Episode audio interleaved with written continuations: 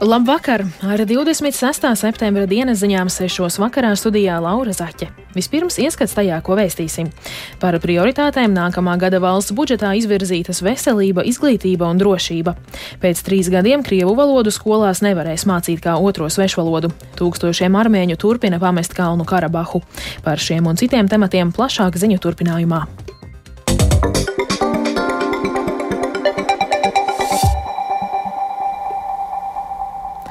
Izglītības ministre Anna Čakša no jaunās vienotības ir izturējusi neusticības balsojumu. 41 saimas deputāts balsoja par neusticības izteikšanu, bet 47 pret.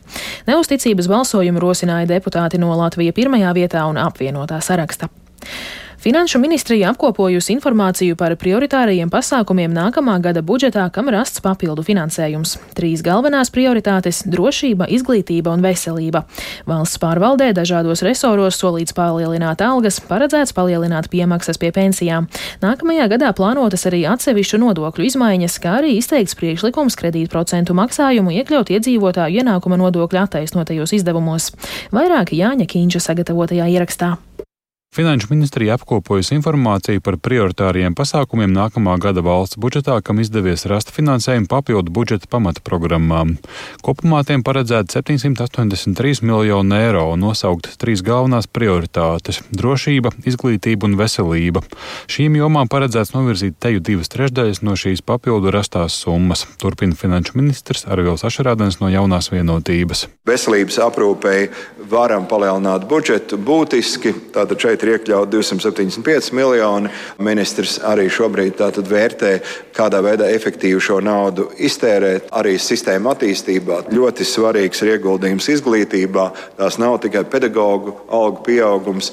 Valdība ir atradusi veidu, kā palielināt universitāšu finansējumu. Protams, ja drošība mēs runājam, tad šobrīd nākamo gadu svarīgākais uzdevums ir atrast veidu, kā līdzsvarot to, ka mēs ļoti strauji kāpinājam finansējumu aizsardzības resoram, iekšējās drošības resurs atpalika.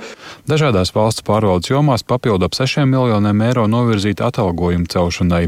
Labklājības ministrijai papildu 14,5 miljonu eiro paredzēti piemaksām pie vecuma un invaliditātes pensijām. Nākamā gada budžetā 50 miljoniem eiro paredzēti klimata un enerģētikas ministrijai elektroenerģijas tarifu pieauguma kompensēšanai. Te 17 miljonu eiro papildu plānot zemkopības ministrijai lielākoties krīzes radīto seku novēršanai lauksaimniecībā. Satiksmes jomā papildu 19 15 miljonu eiro paredzēta dzelzceļa infrastruktūras uzturēšanai, bet teju 18 miljonu eiro kā dotācija zaudējumu sekšanai sabiedriskā transporta pakalpojumu sniedzējiem. Atsevišķas izmaiņas plānotas nodokļu politikā. Latvijas radio jau vēstīja, ka no nākamā gada paredzēts bankām ieviest obligāto uzņēmumu ienākuma nodokļu avansa maksājumu 20% apjomā no iepriekšējā gada peļņas. Tas budžetā ienesīs ap 140 miljoniem eiro. Par 20% iecerēts arī palielināt izložu un azartspēļu nodokļu likmi. Akcīzes nodokļu likmes paredzēts pakāpeniski celt alumu, vīnam un citiem alkoholiskajiem dzērieniem, kā arī tabaks izstrādājumiem un to aizstājēju produktiem. Saistībā ar budžeta izstrādi Finanšu ministrija arī piedāvā šogad un nākamgad hipotekāro kredītu procentu maksājumus iekļaut iedzīvotāju ienākumu nodokļu attaisnotajos izdevumos. Jānis Kincis, Latvijas radio. Pēc trīs gadiem krievu valodu skolās nevarēs mācīt kā otro svešvalodu. Šobrīd vairāk nekā puse Latvijas skolu kā otro svešvalodu pasniedz krievu valodu. Izglītības iestāžu vadītāju asociācija norāda, ka nepieciešams pārējais periods pedagoģu trūkuma dēļ. Plašāk Sintīs Ambotis ierakstā. Atteikšanās no krievu valodas kā otrās svešvalodas mācīšanas Latvijas skolās plānota 2026. gada septembrī, tā vietā piedāvājot apgūt kādu no Eiropas Savienības oficiālajām valodām. Savukārt visas klases, kas iepriekš uzsākušas krievu valodas apguvi, to mācīties skolās beigs 2031. gadā, paredz izglītības ministrijas sagatavotie grozījumi. Tāpat, lai priekšmetam jau no sākuma varētu atvēlēt vismaz divas stundas nedēļā, reformā plānots, ka otro svešvalodu skolās sāk mācīt no piektās klases, nevis no ceturtās ceturtās, kā tas ir šobrīd. Izglītības ministrijas pārstāve Ilza Seipola iezīmē, ka pat laban vairāk nekā 300 skolās kā otrā svešvaloda tiek piedāvāta un mācīta tikai krievu valoda bez citām alternatīvām. Joprojām lielākajā daļā skolu, kā otrā svešvaloda, ir tikai krievu. Pēdējā laikā šis skaits ir mazliet samazinājies uz apmēram 44%, kā vienīgo otro svešvalodu nodrošina tikai krievu valodu. Saimas izglītības komisijas diskusijā par šo jautājumu deputāti Ilza Indriksone no Nacionālās apvienības un Dāvis Mārtiņš Daugavietis no jaunās vienotības aicināja noteikt ambiciozākus mērķus, lai skolās, kur kā otrā svešvaloda pieejama tikai krievu valoda, pēc iespējas ātrāk būtu iespējas apgūt citas valodas. Gan skolas, gan pašvaldības norādījušas, ka lielākais izaicinājums šajā reformā ir pedagoģu pieejamība citu valodu, kā vācu vai franču mācīšanai skolās. Latvijas izglītības vadītāja asociācijas priekšsēdētājs Siguldas valsts ģimnāzijas direktors Rudolfs Kalvans saka, ka šai reformai atšķirībā no citām ir dots saprātīgs pārējais periods. Tiesa gan pagaidām no ģimeņa puses nav novērojama masveida interese atteikties no krievu valodas apguves.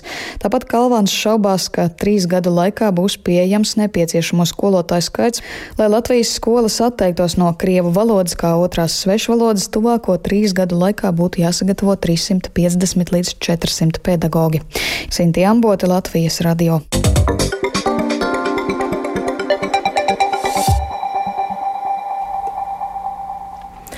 Kalnu Karabahā tūkstošiem cilvēku turpina izbraukt uz Armēniju, baidoties no represijām, ko varētu īstenot Azerbaidžāna, kad tāpēc nesen īstenotās militārās operācijas pārņem kontroli reģionā. Kopumā Kalnu Karabahā dzīvo aptuveni 120 tūkstoši etnisko armēņu, bet līdz šim to pametuši jau vairāk nekā 13 tūkstoši cilvēku. Armēnija norādījusi, ka varētu uzņemt līdz 40 tūkstošiem bēgļu, taču spriežot pēc izbraukšanas apmēriem un citiem paziņojumiem, Kalnu Karabahu vēlas pamest absolūti lielākā daļa tur esošo tūkstošu armēņu. Armēņi pameta ciemus vieni, ģimenēm vai grupās. Starp evakuētajiem ir arī pensionārs Arkādijs. Večer pastoren, vec jūt horārāči. Pirms kādām sešām, septiņām dienām ap pusdienas laiku sāka šaut no dažādiem ieročiem. Aizstāvējāmies, cik varējām. Tad mums lika pulcēties pie skolas. Mēs tur gaidījām divas stundas, un tad Krievi mūs aizveda uz lidostu ar militārajām kravas automašīnām un citām lielām automašīnām. Teltīs palikām trīs, četras dienas. No mājām neko nevarējām paņemt, visu atstājām. Redzēsim, kas notiks tālāk. Mēs nekad neatgriezīsimies. Vismaz 250 Londonas Skotlandjārda elitārās apbruņotās vienības policistu atteikušies izmantot šaujamieročus savu dienesta pienākumu pildīšanai. Par iemeslu tam kļuva nesena kādam viņu kolēģim izvirzītās apsūdzības slepkavībā. Policijas krīzes dēļ Britu valdība ir spiesta pieprasīt palīdzību no bruņotajiem spēkiem. Vairāk stāsta Rustams Šukūrovs. Runa ir par vārdā nenosauktu Lielbritānijas elitārās likumsargu vienības pārstāvi, kurš pagājušajā gadā, pildot savus dienesta pienākumus un mēģinot aizturēt aizdomās turamo vīrieti, pielietoja šaujamieroci, kā rezultātā aizdomās turamais gājis bojā. Uzreiz pēc incidenta policists tika atstādināts no amata, kā arī tika uzsākta neatkarīgo iestāžu izmeklēšana par apstākļiem, kas novada pie šaujamieroča pielietošanas. Izmeklēšana ilga gandrīz gadu, pamatojoties uz tajā noskaidroto, Lielbritānijas prokurori pagājušajā nedēļā paziņoja par lēmumu izvirzīt policistam apsūdzību slepkavībā. Apsūdzētā policista kolēģe tikmēr pauda sašutumu par jauno realitāti, kurā katrs lēmums, kas tiek pieņemts ārkārtējos apstākļos, var beigties ar ilgu tiesas procesu vai pat cietumsodu.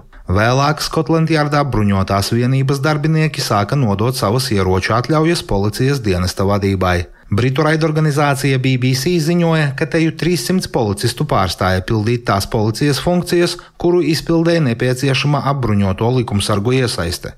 Skotlandjārdā gan neapstiprināja šo skaitu, norādot, ka vairāki policisti, izvērtējot Lielbritānijas prokuratūras lēmumu ietekmi uz viņiem un arī viņu ģimenēm, vairs nevēlas uzņemties ar šaujamieroču pielietošanu saistītos riskus. Skotlandjārda komisārs Sers Marks Rowlijs, reaģējot uz elitārās vienības policistu demaršu, lūdzis Lielbritānijas iekšlietu ministri Svellu Breivermani aizstāvēt savus padotos. Savā vēstulē iekšlietu ministrija Rolīs norādīja, ka pašreizējais policijas darbības regulējums nepasargā no krimināla apsūdzībām arī tos policistus, kas rūpīgi izpildīja iekšējās instrukcijas. Skotlandjārdā dienē 34 tūkstoši policistu, aptuveni 2,5 tūkstošiem no viņiem ir šaujamieroču atļaujas. Līdz šīs policijas krīzes pārvarēšanai Lielbritānijas valdība nolēma vērsties pie valsts bruņotajiem spēkiem ar mērķi tos piesaistīt pretterorisma darbību īstenošanai. Rustam Šukurovs, Latvijas Radio.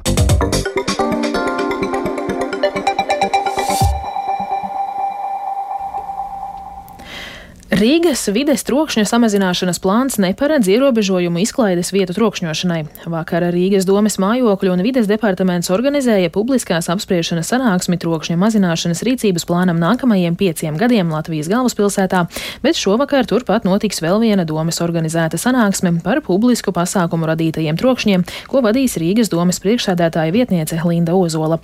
Plašāk par diskusijām stāsta Ieva Puķe.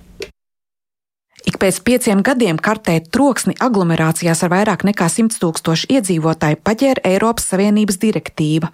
Un šis ir tas brīdis, kad pienācis laiks veidot stratēģiju nākamajai piecgadēji. Lai izveidotu plānu, kas izmaksājas 82 tūkstošus eiro, organizēts tikšanās ar Rīgas apkaimē biedrību pārstāvjiem, kurās, citēju, iegūt informāciju par trokšņa avotiem, kas traucē Rīgas iedzīvotājiem, piemēram, dažādu rūpniecības uzņēmumu darbības radīto troksni, vilcienu kustību pa dzelzceļa sliedēm, gaisa kuģu nolaišanos un pacelšanos, kā arī autotransporta kustības radīto troksni. Pētījumā minēts, ka visvairāk negatīvu komentāru saņemts tieši par autotransporta skaņu fonu. Diemžēl šajos Rīgas domas pasūtītajos vides trokšņa mērījumos vērtēts tikai transporta un rūpniecības radītais skaņas piesārņojums, nevis naktdzīves vietu, naktsklubu un bāru radītais skaņas fons, kas vairāk nekā satiksmes troksnis neļauj gulēt daudziem iedzīvotājiem gadiem. To norādīja iniciatīvas Naktsmieru Rīgai vadītāja Māja Krastiņa, kas arī bija atnākusi uz šo sanāksmi. Mēs joprojām neesam uh, saņēmuši no domas nekādu atbildi, kāpēc šie mūsu ierosinājumi netika iekļauti, bet uh, realitātē nav mainījies nekas. Piemēram, Ķīpselā, kur dzīvo Māja Krastiņa, skaņa no Andrejos naktsklubiem ceļo pāri Daugavai. Kāpēc izklaides trokšņus tomēr neiekļauj vides trokšņu kategorijā, skaidro Evija Meģe, mājokļu un vidas departamenta vides pārvaldes priekšniece. Mēs vedamies stingri pēc normatīviem aktiem, pēc ministru kabineta noteikumiem, kas arī nosaka, kāda veida trokšņa avoti mums ir jāmodelē, jāiekļauj, izstrādājot trokšņa kartes. Iedzīvotāji aicinātu vēl līdz 5. oktobrim paust viedokli par rīcības plāna projektu vides trokšņu samazināšanai Rīgā, kas uzējams Rīgas domas mājas lapā lapas jaunumu sadaļā. Ieva Puķe, Latvijas radio. Nacionālās hokeja līgas pārbaudes spēlē latviešu hokejists Sandis Vilmanis spēlēja 12 minūtes Floridas Panthers sastāvā, palīdzot savai komandai ar 5 pret 0 sagrauti Nešvilas Predators. Abas komandas aizvadītajā naktī aizvadīja pat divas pārbaudes spēles, arī otrajā ar rezultātu 5 pret 2 uzvaru svinot Panthers. Nevienā no tām gan nepiedalījās aizsargs Uvis Balīnskis, kurš starp sezonā pārcēlās uz Floridu. Par NHL treniņu nometņu aktualitātēm turpina Māris Bergs. Nacionālās hokeja līgas treniņu nometnes katrā komandā parasti uzsāka 50-60 spēlētājiem, tāpēc vienībai sadaloties pat divās komandās būs spēlētāji, kas uzreiz nespēlēs. Šoreiz viens no šiem spēlētājiem bija Uvis Balīnskis, taču, ja vien ar veselību viss ir kārtībā, treneri viņam visticamāk dos iespēju kādā no nākamajām pārbaudas spēlēm. Šonakt no latviešu pārstāvētajiem klubiem Mači Buffalo Sabres un Kolumbusas Blue Jackets tomēr grūti prognozēt, vai šonakt laukumā dosies Zemgus Girgans Džeksons un Elvis Mersdikins NHL komandām un arī hokeistiem gatavojoties sezonas sākumam 10. oktobrī. Ar to izskan 26. septembra dienas ziņas. Producents Edgars Kupčs ierakstus montēja Uldis Grīnbergs, pieskaņu pults Mārtiņš Paeglis, bet studijā Laura Zaķe. Īsumā par svarīgāko - par prioritātēm nākamā gada valsts budžetā izvirzītas veselība, izglītība un drošība. Pēc trīs gadiem Krievu valodu skolās nevarēs mācīt kā otro svešvalodu. Saima noraida opozīcijas pieprasīto izglītības ministres Andas Čakšas no jaunās vienotības demisiju. Vēl tikai par laikapstākļiem. Rīgā šobrīd ir 19 grādi un pūš dienvidu austrumu vējš 3 m2. Atmosfēras spiediens 775 mm, bet gaisa mitrums 62%. Par laiku turpmāk stāsta Toms Bricis. Turpmākajās dienās laiks Latvijā kļūs siltāks. Trešdien un ceturtdien temperatūra pēcpusdienās sasniegs 20, 25 grādus, vietām piekrastē vēsāks ap 18, 19 grādiem, bet minimālā temperatūra naktīs 9, 14, piekrastē vietām 16 grādi.